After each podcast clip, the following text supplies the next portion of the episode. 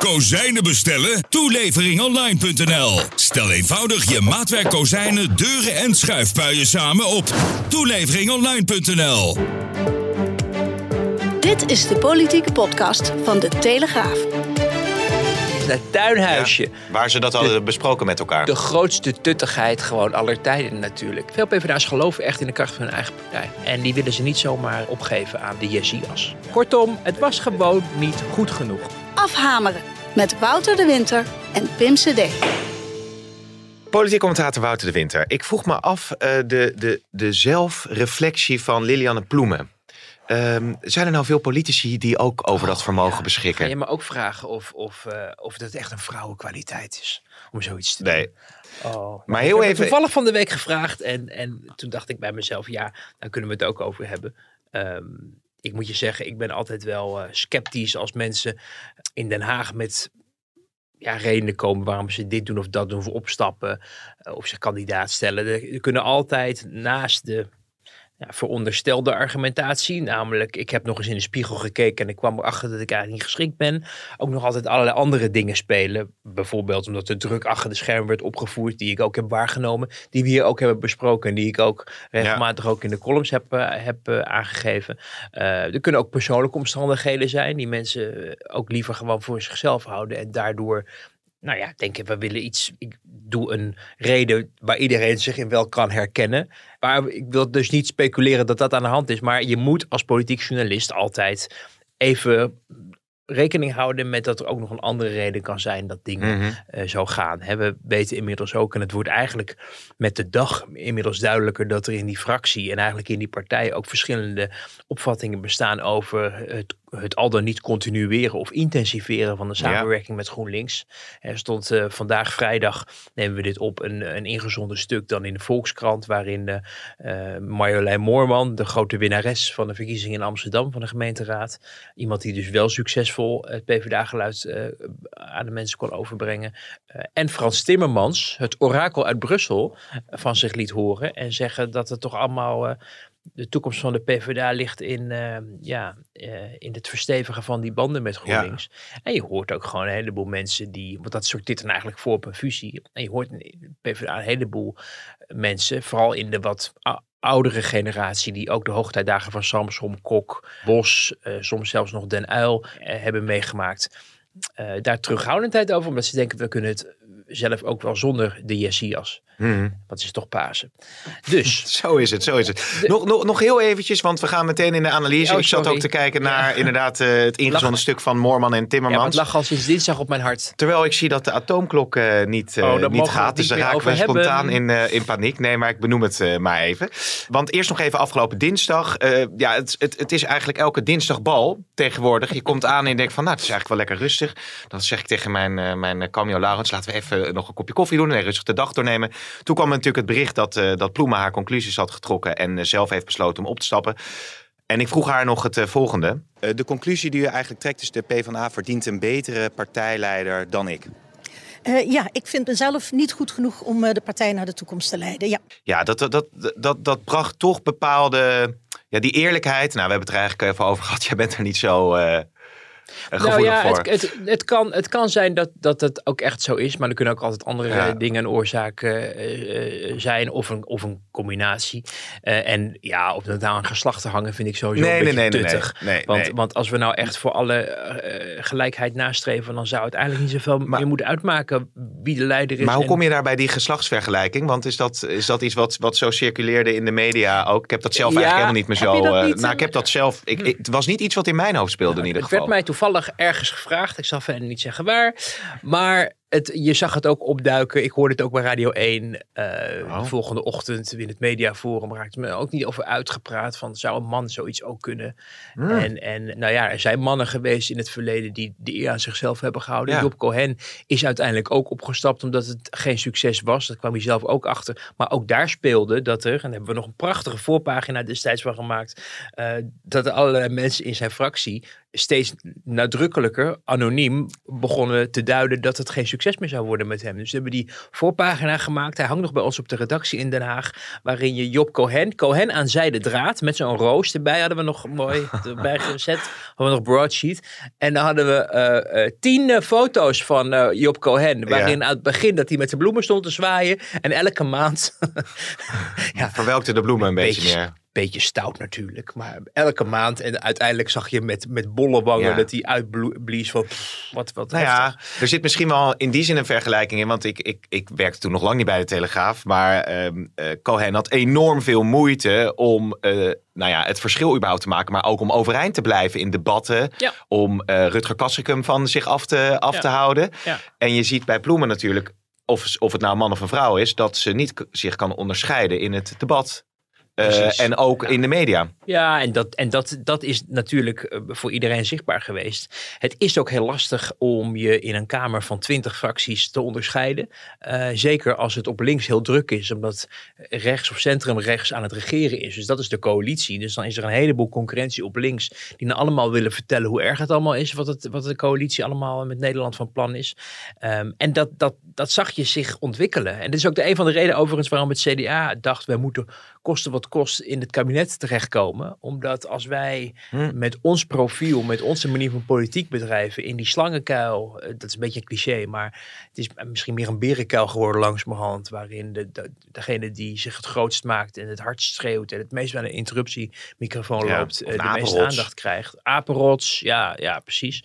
Dus nou ja, dan, dan, dan ja, je, je- je kon zien dat het niet lekker ging. Eh, ik moet je zeggen, dat ging echt niet alleen maar om de manier waarop ze in debatten eh, zich opstelden. We hebben ook een keer een interview gehouden in aanloop naar de Tweede Kamerverkiezingen met, met Lidianne Ploemen. Toen zat ze daar net omdat ze het stokje overnam van Lodewijk Asscher, die, maar daar komen we misschien zo nog even op, door zijn eigen partij natuurlijk eh, richting de uitgang was gebonjourd met moties van, moties van wegsturen. M- maar toen hebben we een interview gedaan en toen vroeg ik aan, kunt u nou uitleggen, wat is nou het verschil tussen de PvdA en GroenLinks? Zodat mensen die, die misschien alle twee sympathie hebben ook en ook voor mijn eigen begrip vond ik Mhm. dat wel ehm, interessant om te weten. En daar kwam eigenlijk geen verhaal. Nee, we moesten het vooral over Rutte hebben, want Rutte had, eh, was slecht of zo. Ja.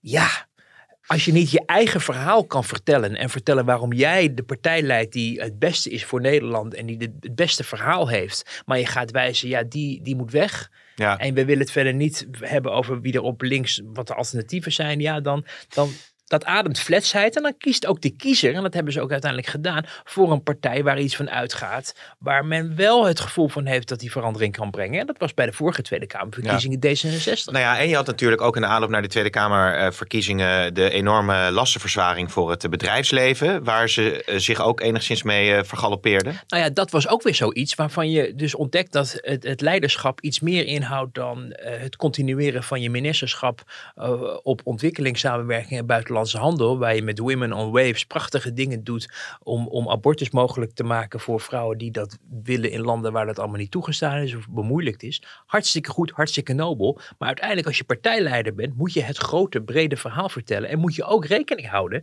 met dat er dingen zijn die jouw partij kunnen schaden ehm, in een verkiezingstijd, omdat ze eruit kunnen worden gelicht als iets wat ja, ondenkbaar is, Ja. of onhaalbaar is. We hebben dat in het verleden gezien met bijvoorbeeld Emiel Roemer, die, die toen heel goed ging in peilingen, maar waar de doorrekeningen van het CPB lieten zien dat dat heel veel banen zou kosten.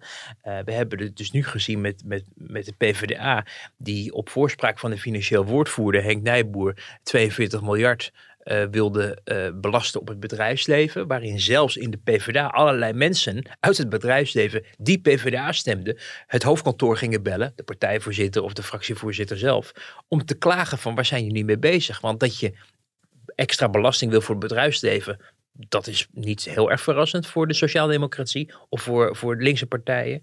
Maar dat je dan vervolgens eh daar 42 miljard van maakt, dat is wel he- heel erg gortig. En Mm. dan is het dus ook aan een partijleider die ziet dat die financiële plannen er liggen, dat ze terug zijn gekomen van het, het Centraal Planbureau en, en dat dit wordt geconcludeerd uit die plannen. Dat ze zeggen, ja, dat moeten we bijstellen. Want hier jagen we eerder kiezers mee weg. Omdat we ze naar ons toe trekken. ja. En dat is ook een verantwoordelijkheid van een partijleider. Dus dat is niet alleen maar je eigen niche market bedienen. Zoals ik het maar even char- zal chargeren. Maar het, het, een breed oog hebben voor wat is nou het belang. En wat is nou het brede verhaal van mijn partij. Zodat ik ni- niet alleen de mensen die misschien toch al op mij gaan stemmen kan bereiken.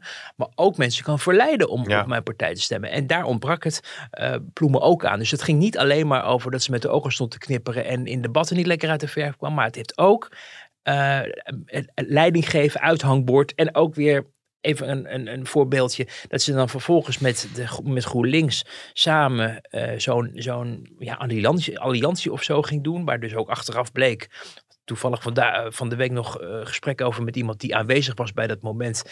bij, ik geloof, informateur Hamer toen. Ze bij elkaar zaten. En Lilianne Ploemen live in die sessie bekende dat ze eigenlijk nog niet heel erg goed in haar partij had afgestemd of ze inderdaad die alliantie met GroenLinks aan wilde. Wat min of meer hun ticket zou zijn om samen te gaan regeren. Wat kennelijk Gro- GroenLinks-leider Klaver dusdanig verbaasde dat het toen geschorst is. En dat ze dat toen nog even moesten uitpraten. Omdat eh, Klaver al veel verder was met de voorbereidingen en het masseren van zijn partij voor een eventuele samenwerking, semi-fusie of wat dan ook. Ehm, dus dat, dat gebeurde dan ook. Eh, maar dat je dan vervolgens die alliantie aankondigt op een tochtig station met een in de haast georganiseerd oploopje. Dat moest dan het grote moment zijn waarin de samenwerking zou worden beklonken. En, en nou, je hoorde, de, je hoorde de, de nog, nog zeggen wanneer de laatste trein naar, naar, eh, naar Utrecht zou vertrekken.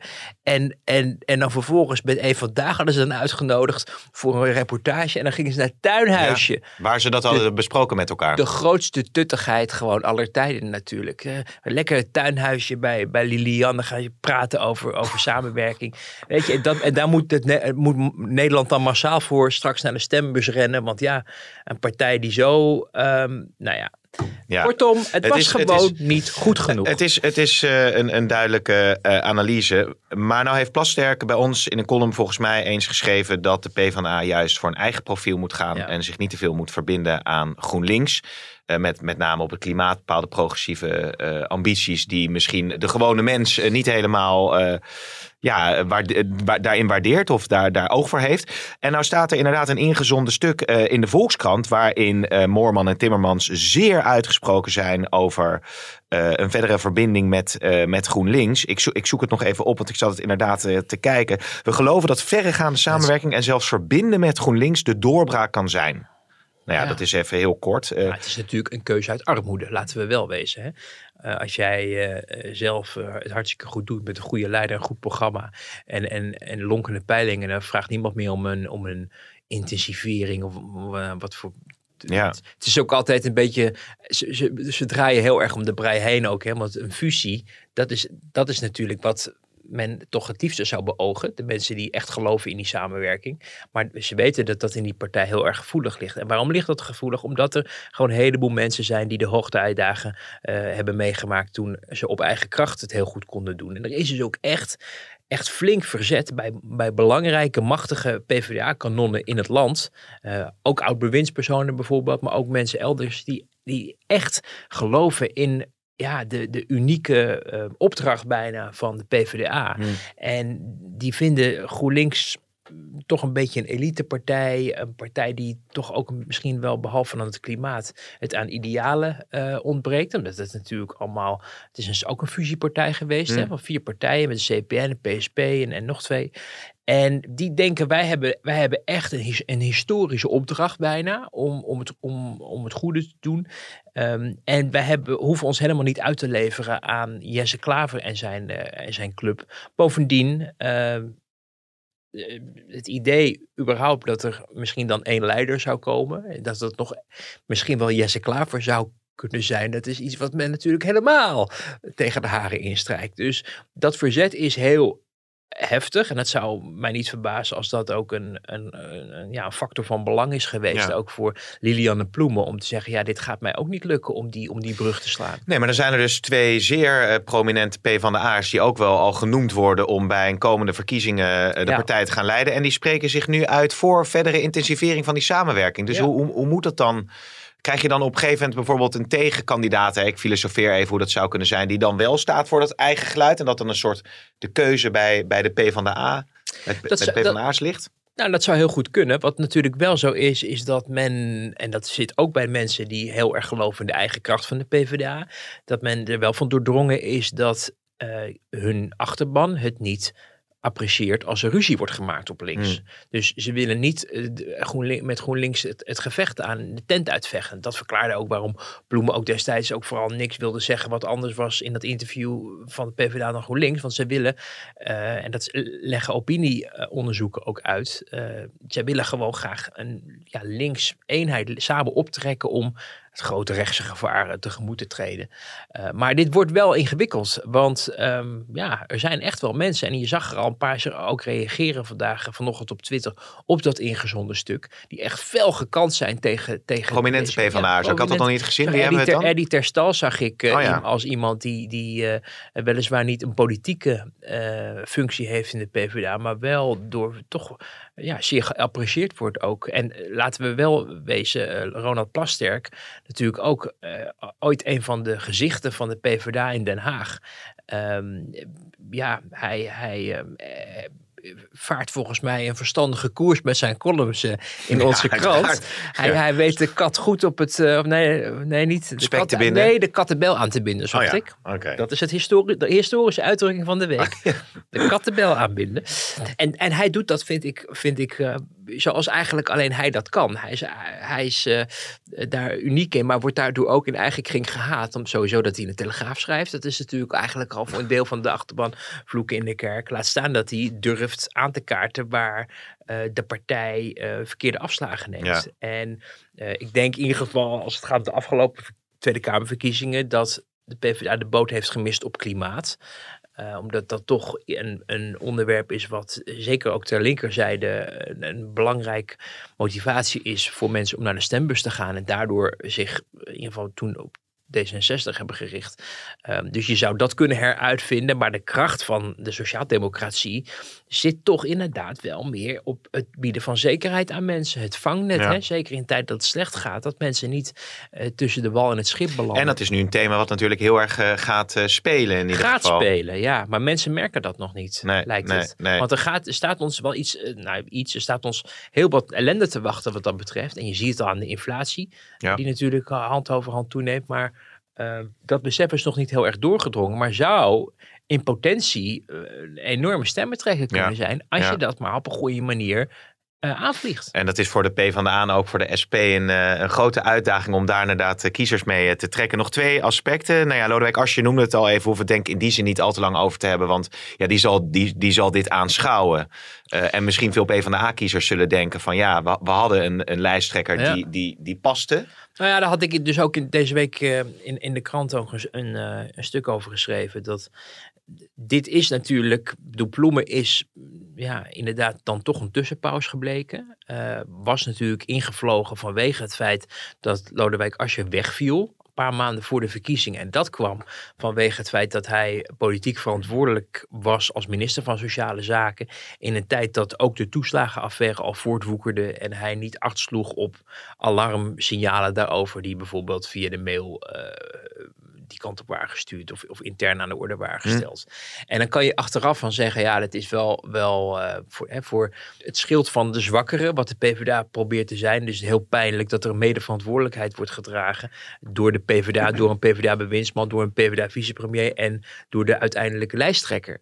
Maar ja, ehm, de, de, de uitdaging wordt toch wel om wat dat betreft misschien soms niet al te veel in de idealen te verzanden, maar ook gewoon in het politieke pragmatisme. Ja. Dat je moet denken, oké, we kunnen nu onze, onze leider wel wegsturen, maar wat houden we dan over? En wat gaat de kiezer daar vervolgens Ja. mee doen? Als we ineens...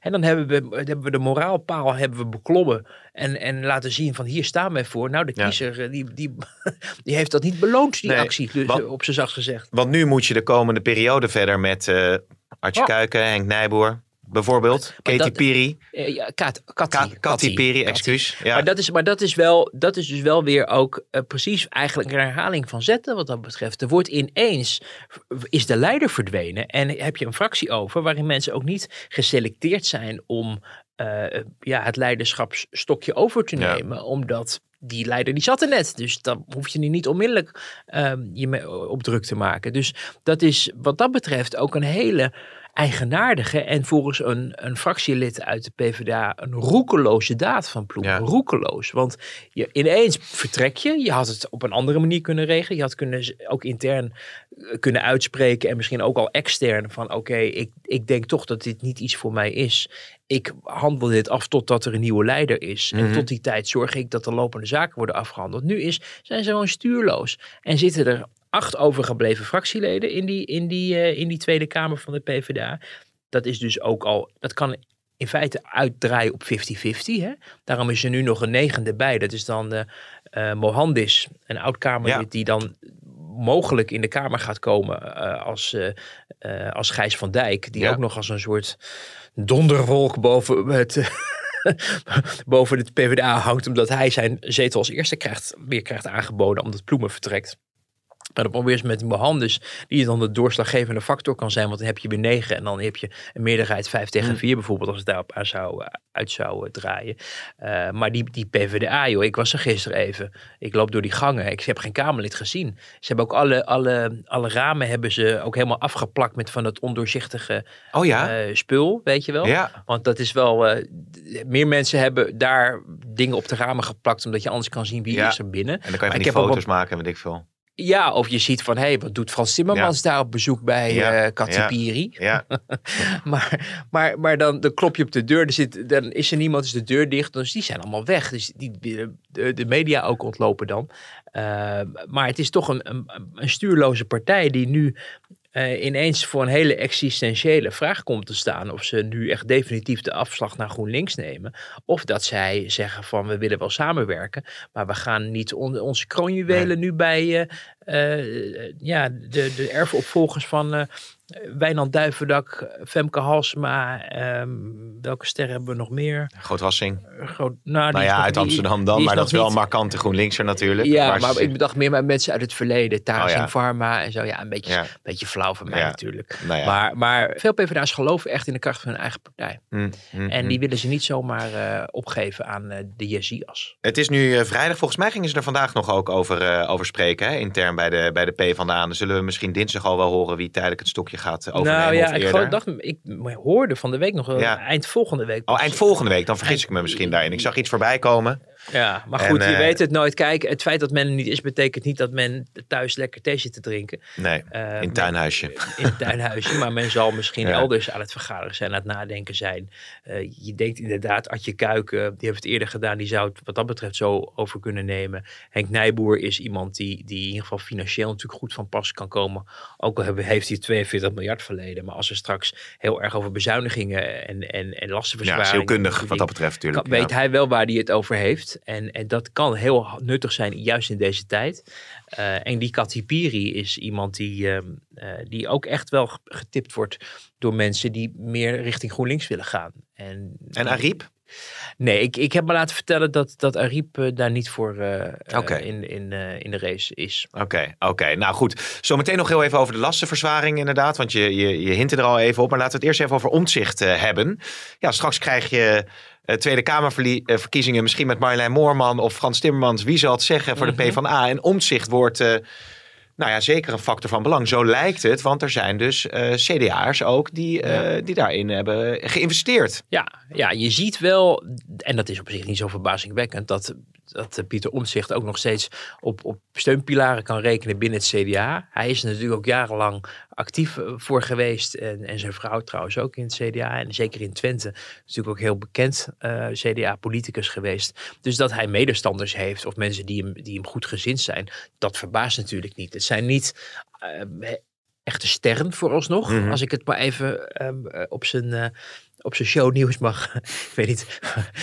of nee, de mediacourant doet dat altijd. Hè? Dan, dan denken ze, ja, dat is een bekende Nederlander die mensen nog niet heel erg goed kennen. Dus dan zetten we het woord ster erachter. Oh, dat, dan lijkt het ja, ineens iemand maar je hebt het toch niet over is. mij? Hè? Ik ben, een keer Telegraafster, telegraaf, nee, ik ben een keer telegraafpersoon genoemd door de media. Ja, maar jij, jij bent natuurlijk ons, Tuurlijk, ons met telegraaf twee. gezicht. Ja, nee. Telegraaf- Maar, nou nee, goed, snel door naar omzicht. Ja, nee, maar, maar, maar goed, dat zijn mensen die hem goed gezind zijn. Ehm, Maar wat wel, eh, en dat merk je nu, en ik merkte ook gisteren dat daar ook kennelijk bij omzicht wat nervositeit over was. Omdat hij, begrepen wij, een interview zou geven aan BNR. En dat was dan weer afgezegd. Mm. Aan, eh, toevallig vlak nadat wij die publicatie eh, hadden gedaan. Er komen nog meer ehm, eh, programma's die de komende tijd aandacht aan omzicht zullen besteden. En ineens bekroop mij zo'n gevoel van, oh nee, nu College krijgen we- door, hè? Dat bedoelde ik, ja. Ja. Maar, maar ehm, eh, ineens bekroop mij het gevoel dat we toch niet een situatie moeten krijgen dat we nu drie jaar lang doet hij het of doet hij het niet gaan spelen met Pieter Hmm. Omzicht. Want wat je merkt en wat hij zelf ook aangeeft, eh, en dat zie je ook gewoon, dat de man nog steeds niet helemaal hersteld is en, en nog steeds eigenlijk aan het reïntegreren is. Eh, en dat het verwachtingspatroon, net als dat destijds rond die Tweede Kamerverkiezingen speelde, toen hij echt overspannen was en, en dus ook ziek naar huis eh, ging voor een paar maanden. Eh, dat dat verwachtingspatroon weer ontzettend zwaar Ja. op hem gaat drukken. Hè, je moet eigen partij beginnen. Er zijn allemaal mensen die op de deur staan te bonzen. Maar wij willen je helpen. Wij willen doen, dit doen. Wij willen dat doen. En dan ook misschien hopen op een mooi plekje op de lijst. Of in het bestuur. Of voor een eventuele politieke partij. En die stress die komt dus weer binnen voor iemand die nog niet helemaal hersteld is. Terwijl die juist probeert te herstellen door, hoe goed en zo kwaad als het kan, zijn eigenlijke kamerwerk weer op te pakken. En daar heeft hij het al moeilijk mee, omdat hij daar heel minim in ondersteund wordt als afsplitser. Maar ook omdat hij gewoon dingen waar hij eigenlijk een hele duidelijke visie over heeft of mening, ja, daar afscheid van moet nemen. Dat hij moet bedanken voor aanwezigheid bij debatten. Omdat hij zegt, ja, ik, ik moet ook nog drie andere debatten doen. Mhm. En die vind ik ook heel belangrijk. Dus je ziet al dat zijn hoofd overloopt met zijn huidige werk. Laat staan dat je een hele, een hele nieuwe partij moet oprichten. Ja. Met een partijstructuur, met screening, met sollicitatiegesprekken. En dan vervolgens, als dat allemaal al lukt, na de verkiezingen een, een partij moet leiden. En dus al die mensen die je misschien nog maar net kent, want ze zijn allemaal net op de lijst eh, gekomen, ook nog allemaal moet coachen, helpen, moet overtuigen van welke koers jij nou eigenlijk voor Ja. staat. Kortom, dat is een bijna onmogelijk, bijna onmogelijk karwei voor, voor omzicht. En dan gun je hem eerder dat hij inderdaad een alliantie sluit met bijvoorbeeld even eh, uit, het, uit het blote hoofd met een partij als BBB Ja, of zo ja, omdat daar, ehm, nou ja, die zitten ook in hun eentje en die, die, die hebben wel iets van een partijstructuur inmiddels opgetuigd. Alleen ja, wil om zich, zich helemaal committeren aan die hele agenda van BBB. Nou, Hoeft natuurlijk ook weer niet. Eh, in feite kan hij zich wel afsplitsen op het moment dat de verkiezingen zijn geweest. Als hij maar in de Kamer blijft. ja. Eh, ja. Maar dan gaat BBB er met, met de buitenvertoren van de omzichtzetels. Maar die, die ondersteunen elkaar wel eens Nou, in Den ik, Haag. Ik, ik zie wel, eh, er is in ieder geval sympathie uit Caroline van der Plas richting omzicht. Mhm. Merk je duidelijk in debatten. Af en toe heb ik ook het idee dat ze wat trucjes van hem heeft overgenomen. Als ze vraagt Ja. om feiten, relatie en openbaarmaking van dingen. En denk hé, hey, waar heb ik dat eerder gehoord? Eh, maar er zijn meer mensen die, die omzicht helpen. Bijvoorbeeld eh, eh, de partij van Van Haga, die dan een, een vraag stelt aan omzicht tijdens zijn spreektijd. Omdat hij maar minime spreektijd heeft als eenpitter. En dan vraagt, god meneer Omtzigt, kunt u eens vertellen hoe u dat ervaart? Volgens mij heeft Denk het ook een keer gedaan. En dan krijgt Omtzigt, omdat hem een vraag wordt gesteld, extra ruimte om zijn verhaal te vertellen. En zo helpen ze hem een beetje. ja. Eh, dus Ja. dat zijn van die, van die labmiddelen die dan maar zijn. het is wel interessant, want BBB, Caroline van der Plas, die, die, die, die kan eigenlijk, eh, of die zegt eigenlijk alles wat, wat, wat zij op dat moment eh, ja, verstandig acht over Mhm. elk verschillende thema. En daar is de journalistiek ook, ja, die, die hapt daar ook graag op. En dat doet ze op haar manier heel goed, denk ik. Maar ja, zou dat passen met een omzicht die eh, een jarenlange ervaring heeft als Mhm. Kamerlid, zich op bepaalde thema's vastbijt, de structuur van de CDA toch achter zich heeft? Ja, nou ja, wat... Het is wel wat- ja, wat- opportunistisch wellicht als dat dan samengaat. Ja, maar, of, pragma of pragmatisch, dat kan natuurlijk ook. Eh, maar dat is, dat is inderdaad wel een, een punt waarmee dit verschilt van ehm, misschien vroeger tijden, 20, 30, 40 jaar geleden of langer. Op het moment eh, dat er toen bewegingen ontstonden, was dat vaak op basis van ook wel een ideologie. Hmm. Een hele duidelijke eh, hè, politieke stroming. Je ziet nu, al die kleine partijen zijn toch een beetje deelbelangen. Het komt niet meer voort uit de verzuiling, maar het komt omdat mensen het heel belangrijk vinden dat er aandacht is voor het boerenbedrijf, of voor de, voor de dieren, of voor eh, de allochtone Nederlander. Ja. Eh, en zo heeft iedere, ja, toch deelbelang, langsbehand heb je het idee, zijn eigen eh, partij. Ehm, maar dat maakt het ook, en dat zag je bijvoorbeeld zo'n partij als 50PLUS misgaan. Het overkoepelende idee ontbreekt. En Ja. daardoor zijn mensen ook niet trouw. Omdat mensen denken, ja, ik ben toch in de Kamer gekozen.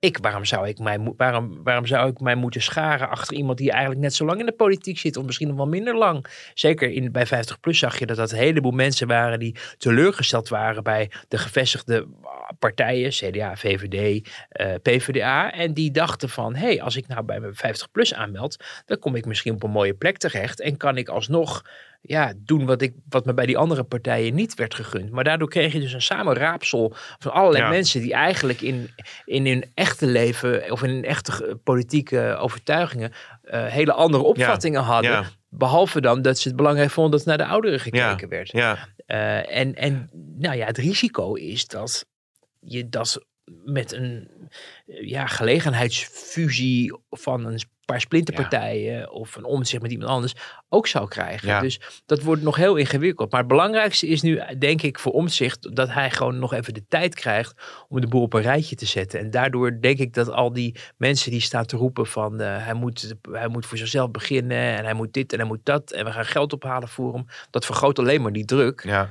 Eh, waardoor zijn, ja, eh, die, wat hij ook ervaart als dat hij dan ook moet leveren. En nou ja, dat is, de vorige keer zijn er wel een beetje ongelukken van gekomen. Hij, hij zal in ieder geval heel goed ondersteund eh, moeten worden in dit traject door mensen om hem heen. Lijkt me dan duidelijk. Wa- wa- al- Wat ik me afvroeg bij het CDA, hoe angstig worden ze voor deze ontwikkeling? Want nu zijn het dan nog de mediacourant personen die jij net omschreef. Maar als er straks prominentere CDA'ers zeggen... eh, we, we, we zien eigenlijk eh, meer in, in, in omzicht dan in onze eigen partij. Eh, ja, als je naar de peilingen kijkt, heeft omzicht bij spreken meer potentie bij de komende Ja. verkiezingen dan het CDA. Ja, ja zeker. En, het, en dat, dat, dat kan zeker gebeuren, hoewel het natuurlijk ook wel weer een momentopname is. Hè, want er zijn op dit moment geen verkiezingen. Maar het is onmiskenbaar een heel duidelijk signaal. En ja, bij het CDA.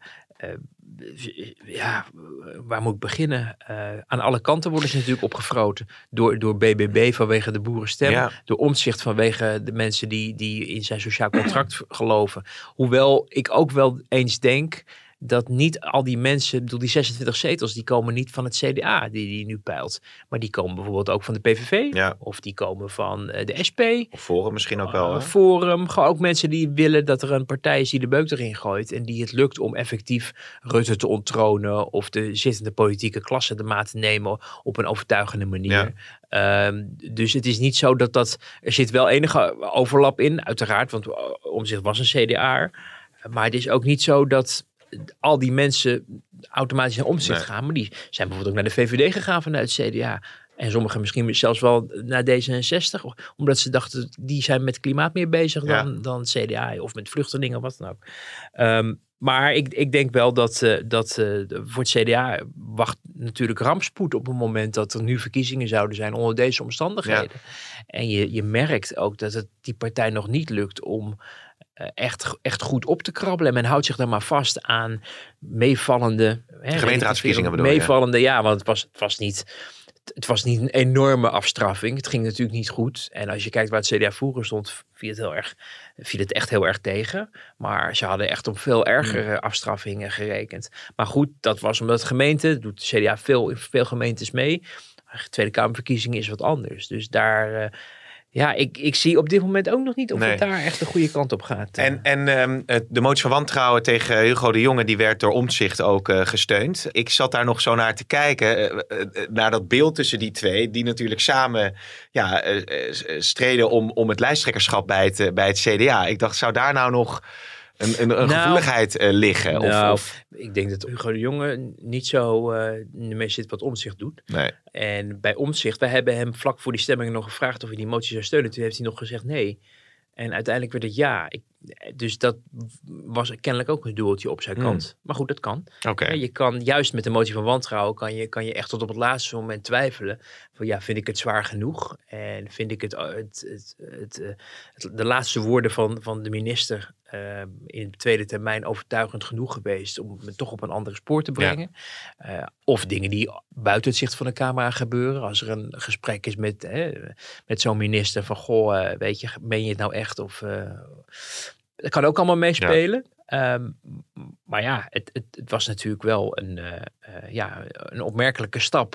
Aan de andere kant misschien ook niet heel erg uh, onverwacht als je ziet welk verleden de, de, twee ja. CDA of de, de voormalige CDA en de huidige CDA ja. hadden samen. Ja, boeiend hoe dat allemaal uh, verder gaat. Op dit moment is die boodschap natuurlijk al niet optimistisch, omdat we te maken hebben op dit moment met enorme inflatie. En het is uh, schier onmogelijk om die te compenseren vanuit de overheid. Dus we zullen allemaal merken dit jaar dat we iets verarmen door die hoge inflatie. Waar mogelijk hier ook lastenverzwaringen plaatsvinden, zullen daar ook. Uh, staat er natuurlijk tegenover nog steeds uh, zo'n 3 miljard, wat nog klaar ligt aan lastenverlichting, die deze zomer, richting Prinsjesdag nader moet worden ingevuld. Hè. Dus het zal altijd een plus en minnen zijn. Uh, maar ik ga niet de indruk wekken dat je deze hele grote problemen kunt oplossen alleen in de uitgaven. Laten we de lastenverzwaringen er nog even bij halen. Want uh, Rutte die kondigde al aan dat, nou ja, dat ons zware tijden wachten in elk geval. En we hadden bij de Telegraaf ook al belicht over wat zou er dan eventueel aan lastenverzwaring kunnen vallen. Dan gaat het geloof ik over kleine bedrijven die eerder een hoger tarief voor de winstbelasting moeten betalen. box 2 geloof ik, hè? ondernemers die daar vermogen installen. Uh, daar moet meer geld vandaan gaan komen. Uh, of gaan burgers, in hoeverre gaan burgers echt geraakt worden? Nou, burgers worden sowieso door de inflatie geraakt. Ja, zeker. Uh, heel erg. Je merkt wel, ik bedoel, datgene wat nu be bekend wordt, hadden wij een paar weken geleden natuurlijk al in de krant staan. Toen we de contouren van de voorjaarsnota konden melden. Uh, verhaal van uh, Inge Lengton en, en Leon Brandsema. Uh, waarin je al zag dat er naar box 2 gekeken wordt, werd. Hè? Dus dan, dat raakt dan die, die, die, bedrijven. je weet en je merkt ook wel dat in Den Haag er een gevoel is dat mensen die het zich kunnen permitteren om meerdere huizen te bezitten, dat die best wat steviger mogen worden Mhm. aangeslagen. wat heel duidelijk ook, ook wel klinkt, is dat men niet van plan is ieder geval op dit moment en voor zover wij kunnen achterhalen, om de inkomstenbelasting te verhogen of de BTW te verhogen. Oké. En want dan ben je echt met generiek het hele land aan het straffen. En dat komt dan ook nog eens uh, extra hard neer bij de lage inkomens, omdat die naar verhouding natuurlijk minder verdienen en een prijsverhoging voor hen harder aankomt. Uh, dus dat is, dat is wel uh, de kant die het opgaat. Verrast dus niet heel erg als je naar die details uh, kijkt dat dit eraan zat te komen. Alleen wat ik zelf een beetje merkwaardig vond, wat, wat Rutte gisteren deed. We hebben de, al weken horen we, nou ja, weken, week horen we dat de coalitie niks zal zeggen over wat nou uiteindelijk binnen kamers besproken wordt. Ook al hebben we dat dus ook al in de krant gezet. Omdat het toch een soort ja, bijna semi-formatieronde is. En elk lek uh, en elke politieke winst of verliespunt dan weet, kan worden uitvergroot. En Hmm. En partijen onrustig kan maken. En nu zag je toch ineens dat Rutte zich gisteren liet ontvallen van ja, de lastenverzwaringen zijn onvermijdelijk. Ja, dan worden natuurlijk toch de, toch de geesten rijp gemaakt. Ik vraag me af of hij het echt bewust heeft gedaan, uh, om, omdat het voor hem al zo vanzelfsprekend is en al in de krant heeft gestaan. Maar ja, als hij dat zegt, de premier op zijn wekelijkse persconferentie, ja, dan, dan leidt dat natuurlijk wel tot een schokgolf. Want dan denken de mensen, oh, nu, nu, Ja. nu, nu begint het toch wel serieus te worden. En dat voor een VVD-premier die nou, in welke verkiezingscampagne niet zegt dat hij zo laag mogelijke belasting Ja. nastreeft. Dus je, je, hij heeft dan later in een interview het beeld wel een beetje proberen te, te corrigeren. Eh, want de indruk was van jij en ik eh, met ons. Ja. eh, hè, met, als we naar de supermarkt gaan of. of via de inkomstenbelasting worden ineens aangeslagen. Maar goed, de belastingverzwaringen die men begrijpen bij in petto heeft, treffen dus selectieve groepen die redelijk of behoorlijk vermogend zijn.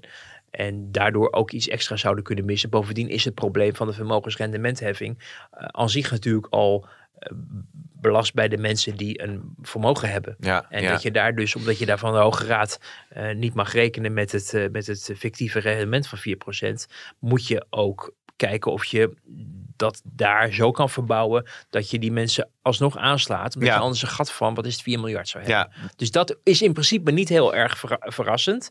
Uh, maar het is natuurlijk maar een deel van de plannen die gaan komen. En als je navraagt in Den Haag van ja, wat zijn jullie eigenlijk van plan om zelf te gaan doen in jullie eigen uitgavenpatroon, dan hoor je aan de ene kant mensen heel terughoudend zijn met bijvoorbeeld een greep in het klimaatfonds of een greep in het stikstoffonds, want eh, het probleem is toch echt niet minder geworden daar, dus dat moet gewoon doorgaan. Tegelijkertijd hoor je voor deze week voor het eerst iemand over bezuinigingen spreken. En dan bezuinigingen gaan dan niet om een greep in een fonds, want dat is eenmalig geld, maar Mhm. bezuiniging is hoe geef je als overheid eigenlijk structureel Ja. minder geld uit. En op welke departementen zou dat dan kunnen gaan Ja, gebeuren? dat, dat, dat zover, eh, zover Oh, ben ik nog Oké, eh, maar eh, want Pim. gaat, Maar, gaat, gaat dit tot spanningen leiden? Ja, onge- onge- ongetwijfeld natuurlijk. Dus onvermijdelijk dat, dat dit binnen de coalitie wel even spannend zal gaan worden. Ja, hoewel je ook wel merkt, heel duidelijk is dat de eenheid in de coalitie misschien wel wat versterkt wordt door het feit dat het alternatief heel duidelijk ontbreekt. Dan, en dan zijn debatten zoals Hoekstra heeft ervaren rond die sancties en eh, eh, Hugo de Jonge en Connie Helder hebben ervaren rond eh, de mondkapjesdeal, waarin Hmm. de Kamer, ehm, nou niet de Kamer, maar een flink deel van de Kamer toch vooral uit is op maximale beschadiging, zo lijkt het, dan dat je nou echt een verre afweging maakt van, goh, zullen we Hugo de Jonge eh, vanwege de leugenachtigheid van Siewert van Linden naar huis sturen? Ik weet dat er ook mensen zijn die zeggen, ja, Hugo heeft ge- gelogen. Maar goed, ik ben nog steeds wel van mening dat stuur, stuur de man weg als je vindt dat hij het coronabeleid niet goed heeft gedaan, als hij de vaccins niet op tijd heeft geregeld, als je vindt dat er te veel Hmm. verpleeghuisdoden zijn geweest. Eh, allemaal tot je dienst. Eh, stuur hem naar huis. Daarvoor is politieke verantwoordelijkheid. Maar omdat hij in een crisissituatie destijds heeft gemeend om eh, aan touwtjes te trekken om te zorgen dat er wellicht voldoende beschermingsmiddelen Ja, kwamen. ja. En dat de kant een beetje bewaard werd op sociale media. Je kan er van alles van vinden. Maar goed, ehm, het zijn misschien wel onvergelijkbare grootheden. Laat Ja. ik het zo dan omschrijven. En, en ehm, je merkt dat er in het, het kabinet, in de coalitie, wel heel veel ja, ook wel weerzin en boosheid is ontstaan over bijvoorbeeld iemand als Klaver die daar eh, zo'n circus van heeft gemaakt. En dan groeit in zo'n club, gek genoeg, ook al vindt men het politiek ook lastig om het eens te worden, omdat er ook daar belangen zijn, toch de, de eenheid van de eigen club. Omdat je denkt, we moeten het toch met z'n vieren doen, vier partijen, want het alternatief, daar hoeven we niet op, op steun of, of begrip of hulp of redelijkheid Ja. vooral te rekenen van de mensen die zo hard staan te schreeuwen in de Kamer. In hoeverre is er angst binnen het kabinet dat eh, de uitgaven echt, echt de pan uit gaan reizen als het gaat over eh, de energievoorziening, als het gaat over de oorlog in Oekraïne? Want er was natuurlijk aan het begin van dit kabinet was er een Hosanna, Hosanna stem, Ja. stemming en het kon niet op. Maar dat is nu wel definitief gekanteld natuurlijk. Ja, nou, het- was vooral in dat, dat er ontzettend veel geld werd uitgegeven. En vooral in al die fondsen werd ge- ge- Ja. ge- gestort. Dat was, eh, en wij hebben ook verschillende eh, eh, hoge colleges van staat ook voor gewaarschuwd. Van je moet mensen ook voorbereiden op dat dat niet eeuwig kan, kan voortduren, die spendingsdrift eh, in Den Haag. En dat zie je ook wel gebeuren nu al die coronasteun wordt afgebouwd. Hè? Dat Mickey Adriaanse, de minister van Economische Zaken, heel duidelijk zegt van de, de bomen blijven niet tot in de hemel groeien. Dat heeft ook vervolgens weer zijn effecten, want er zullen bedrijven gaan omvallen omdat die eigenlijk kunstmatig in leven zijn gehouden door allerlei eh, steun vanuit de overheid. Nou, dat, dat wisten we dat dat ooit zou gaan gebeuren. Dus dat gebeurt eh, nu ook maar. Eh, maar het, het, het is wat dat betreft, ik sprak deze week een minister die ook zegt, ja, het is wel heel spannend omdat alles tegelijk gebeurt. Hm. Dus waar je normaal te maken hebt, bijvoorbeeld met een geopolitieke crisis, heb je nu te maken met een geopolitieke crisis en een soort coronapandemie waarvan we ja, bijna denken dat die voorbij is. Maar dan hoor je weer Marion Koopmans waarschuwen dat er twee nieuwe varianten in Zuid-Afrika zijn. Ja. Dan denk je, oh nee, Ja. nog een keer. Dus dat hangt nog boven de markt. We hebben een grote inflatie, die enigszins met geopolitiek te maken heeft, maar ook al met stijg, al stijgende olieprijzen en, en energieprijzen te maken had. Eh, je hebt het, eh, ook de behoefte inderdaad om meer geld eh, uit te geven aan, aan defensie. Ja. Je, hebt een, je hebt gerechtelijke uitspraken over de vermogensrendementheffing, maar ook over de, het stikstofprobleem. Hm. PFAS is natuurlijk eerder al een ding geweest. Eh, klimaat, de Urgenda-zaak speelt ook allemaal vanuit de rechter eh, opgelegd om actie te ondernemen. Kortom, alles komt tegelijk. En dat maakt deze, eh, deze beraadslagingen van die coalitie ook extra ingewikkeld, Ja. omdat je bovendien ook niet weet of het hierbij blijft. Ja, Want het, het gaat nu aan alle kanten zo mis exact. Dan zou het best kunnen zijn dat we nog niet precies weten wat ons bijvoorbeeld over een half jaar staat te wachten. Ja. En het laatste wat ik daarover hoorde is dat bijvoorbeeld de belastinginkomsten die nodig zijn om al die mooie dingen van te betalen ook beginnen tegen te vallen. Hm. En dan heb je niet alleen een, een probleem aan waar je allemaal geld aan naartoe moet uitgeven of wil uitgeven, maar ook over wat er binnenkomt om, om überhaupt dat te Ja. betalen.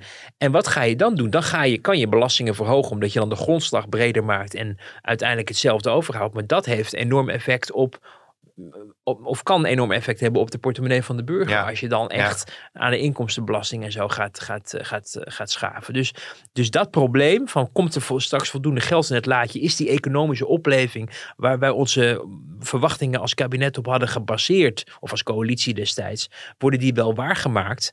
En ja, wat doe je dan als, als de geldkraan ook een beetje wordt dichtgedraaid daar? Ja. Dan kan Ja. je, heb je niet eens geld om uit te geven. En Nee. wat ga je dan doen? Nee. Ga je dan het in het saldo laten lopen? Ga je dan nog meer geld lenen op de kapitaalmarkt met een inmiddels hogere rente?